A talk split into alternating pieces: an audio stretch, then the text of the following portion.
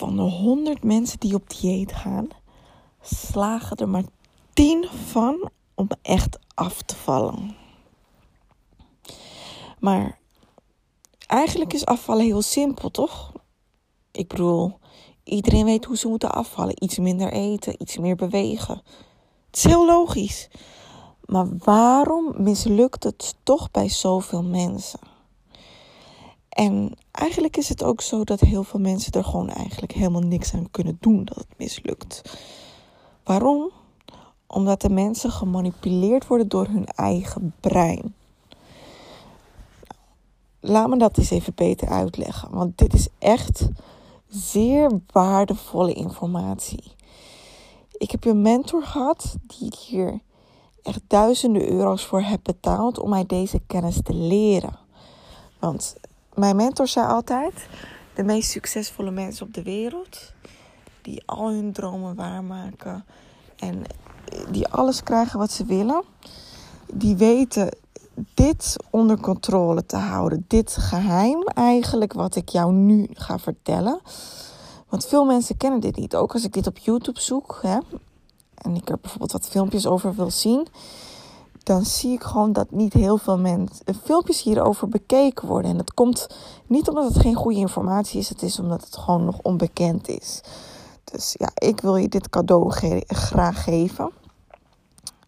Het zit namelijk zo. We hebben drie soorten uh, hersenen, als het ware. Ik noem het maar even soorten. Um, het is het reptiele brein, het zoogdierenbrein en een neocortex. Het reptiele brein is eigenlijk het oudste stukje hersenen wat wij hebben. En dit is vooral uh, ja, gericht op overleven. Het tweede stukje brein wat wij hebben, dat is uh, ja, het brein wat er eigenlijk na, daarna is gekomen, is het zoogdierenbrein.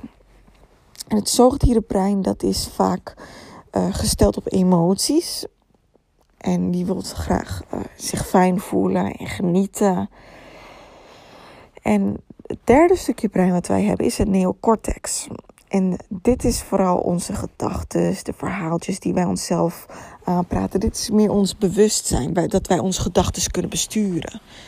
En volgens mij is het ook zo dat dieren dit stukje hersenen niet hebben. Waarom dieren heel uh, rationeel leven. En dus niet een bewustzijn hebben wat wij mensen hebben. Maar goed, om dus uh, verder te gaan. Stel je gaat op dieet. Dan doe jij dus eigenlijk iets wat uit je comfortzone is. Want ik bedoel, je gaat niet zomaar op dieet. Je bent gewend om op een bepaald patroon te eten. Misschien ben je gewend om elke avond een reep chocola te eten. Dat maakt niet uit. Je bent in ieder geval gewend om een bepaald patroon te leven. En wij mensen zijn eigenlijk vanuit de oertijd um, zo geprogrammeerd dat wij ook moeten oppassen voor gevaar. En dat wij moeten overleven. En dat wij moeten jagen. En uh, wij hebben een bepaald soort instinct. En wat er eigenlijk gebeurt, hè, dus als je bijvoorbeeld op dieet gaat en wat fout gaat bij de meeste mensen, want iedereen heeft hier gewoon last van, is het volgende: is stel je zit op de in, je hebt vandaag met jezelf afgesproken dat je op dieet uh, gaat en je gaat al je gewoontes vanaf vandaag veranderen. En de eerste gewoonte die je van jezelf dus verandert, is dat je niet elke avond meer die reep chocola gaat eten. Maar wat er dan gebeurt, is je reptiele brein gaat tegen je spreken, als het ware. Die geeft je impulsen. Die vertelt je eigenlijk van: hey, Jill, in mijn geval dan. We moeten een reep chocola eten. Er zit nog een reep chocola in de la. Lekker een reep chocola. Eten elke avond een reep chocola. Je neocortex, dus je bewustzijn, je gedachten die je kan sturen, die vertelt eigenlijk dan tegen je eigen reptiele brein van... Nee, ik moet niet die chocola eten, want ik moet 10 kilo afvallen. Dus uh, ik ga het niet eten. Maar ja, dit hou je natuurlijk de eerste dag. Hè, ben je zeer gemotiveerd. En is het makkelijk om dit vol te houden. Maar op den duur dat je steeds vaker nee zegt. En er komen natuurlijk dagen dat je misschien meer emotioneel bent. Of iets gebeurt het is nou eenmaal zo dat je reptiele brein en je zoogdierenbrein eigenlijk tegen je neocortex vechten. Dus tegen de wil dat jij wil afvallen. Dus je hersenen manipuleren jou om toch die chocolade te eten. Want dat is je comfortzone. Ja, het is heel stom, maar dat is voor je lichaam eigenlijk veilig. Je lichaam is bang om af te vallen ook. Dat is ook een feit. Dus stel, hè?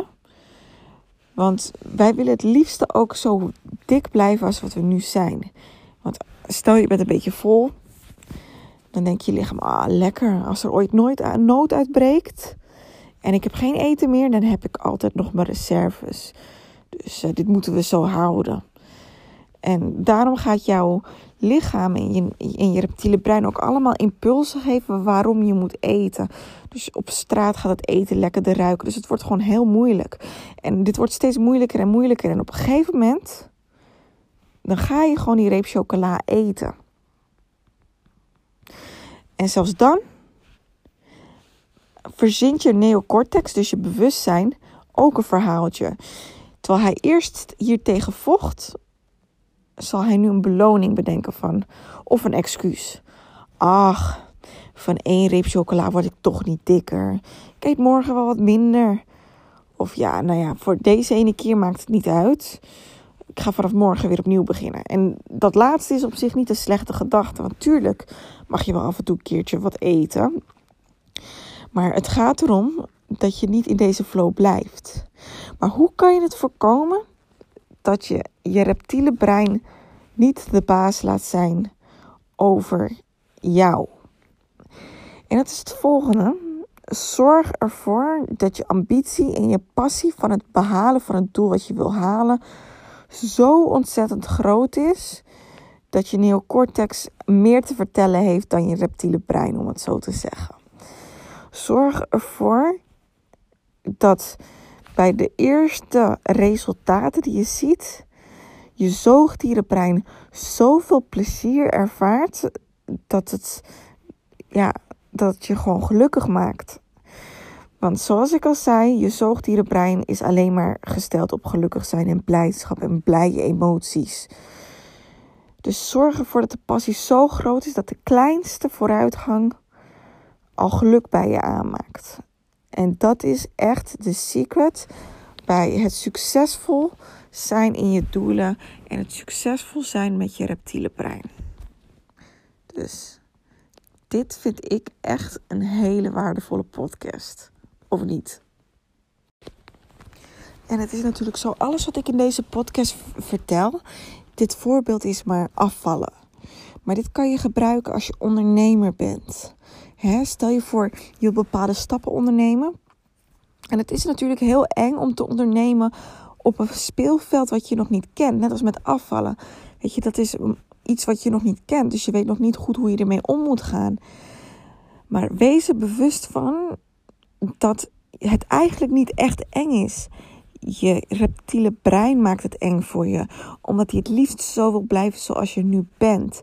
En trap daar dus niet in, want dat is echt wat jou ongelukkig gaat maken uiteindelijk. Dus doe het gewoon. Doe gewoon en weet van jezelf waarom voor je het doet.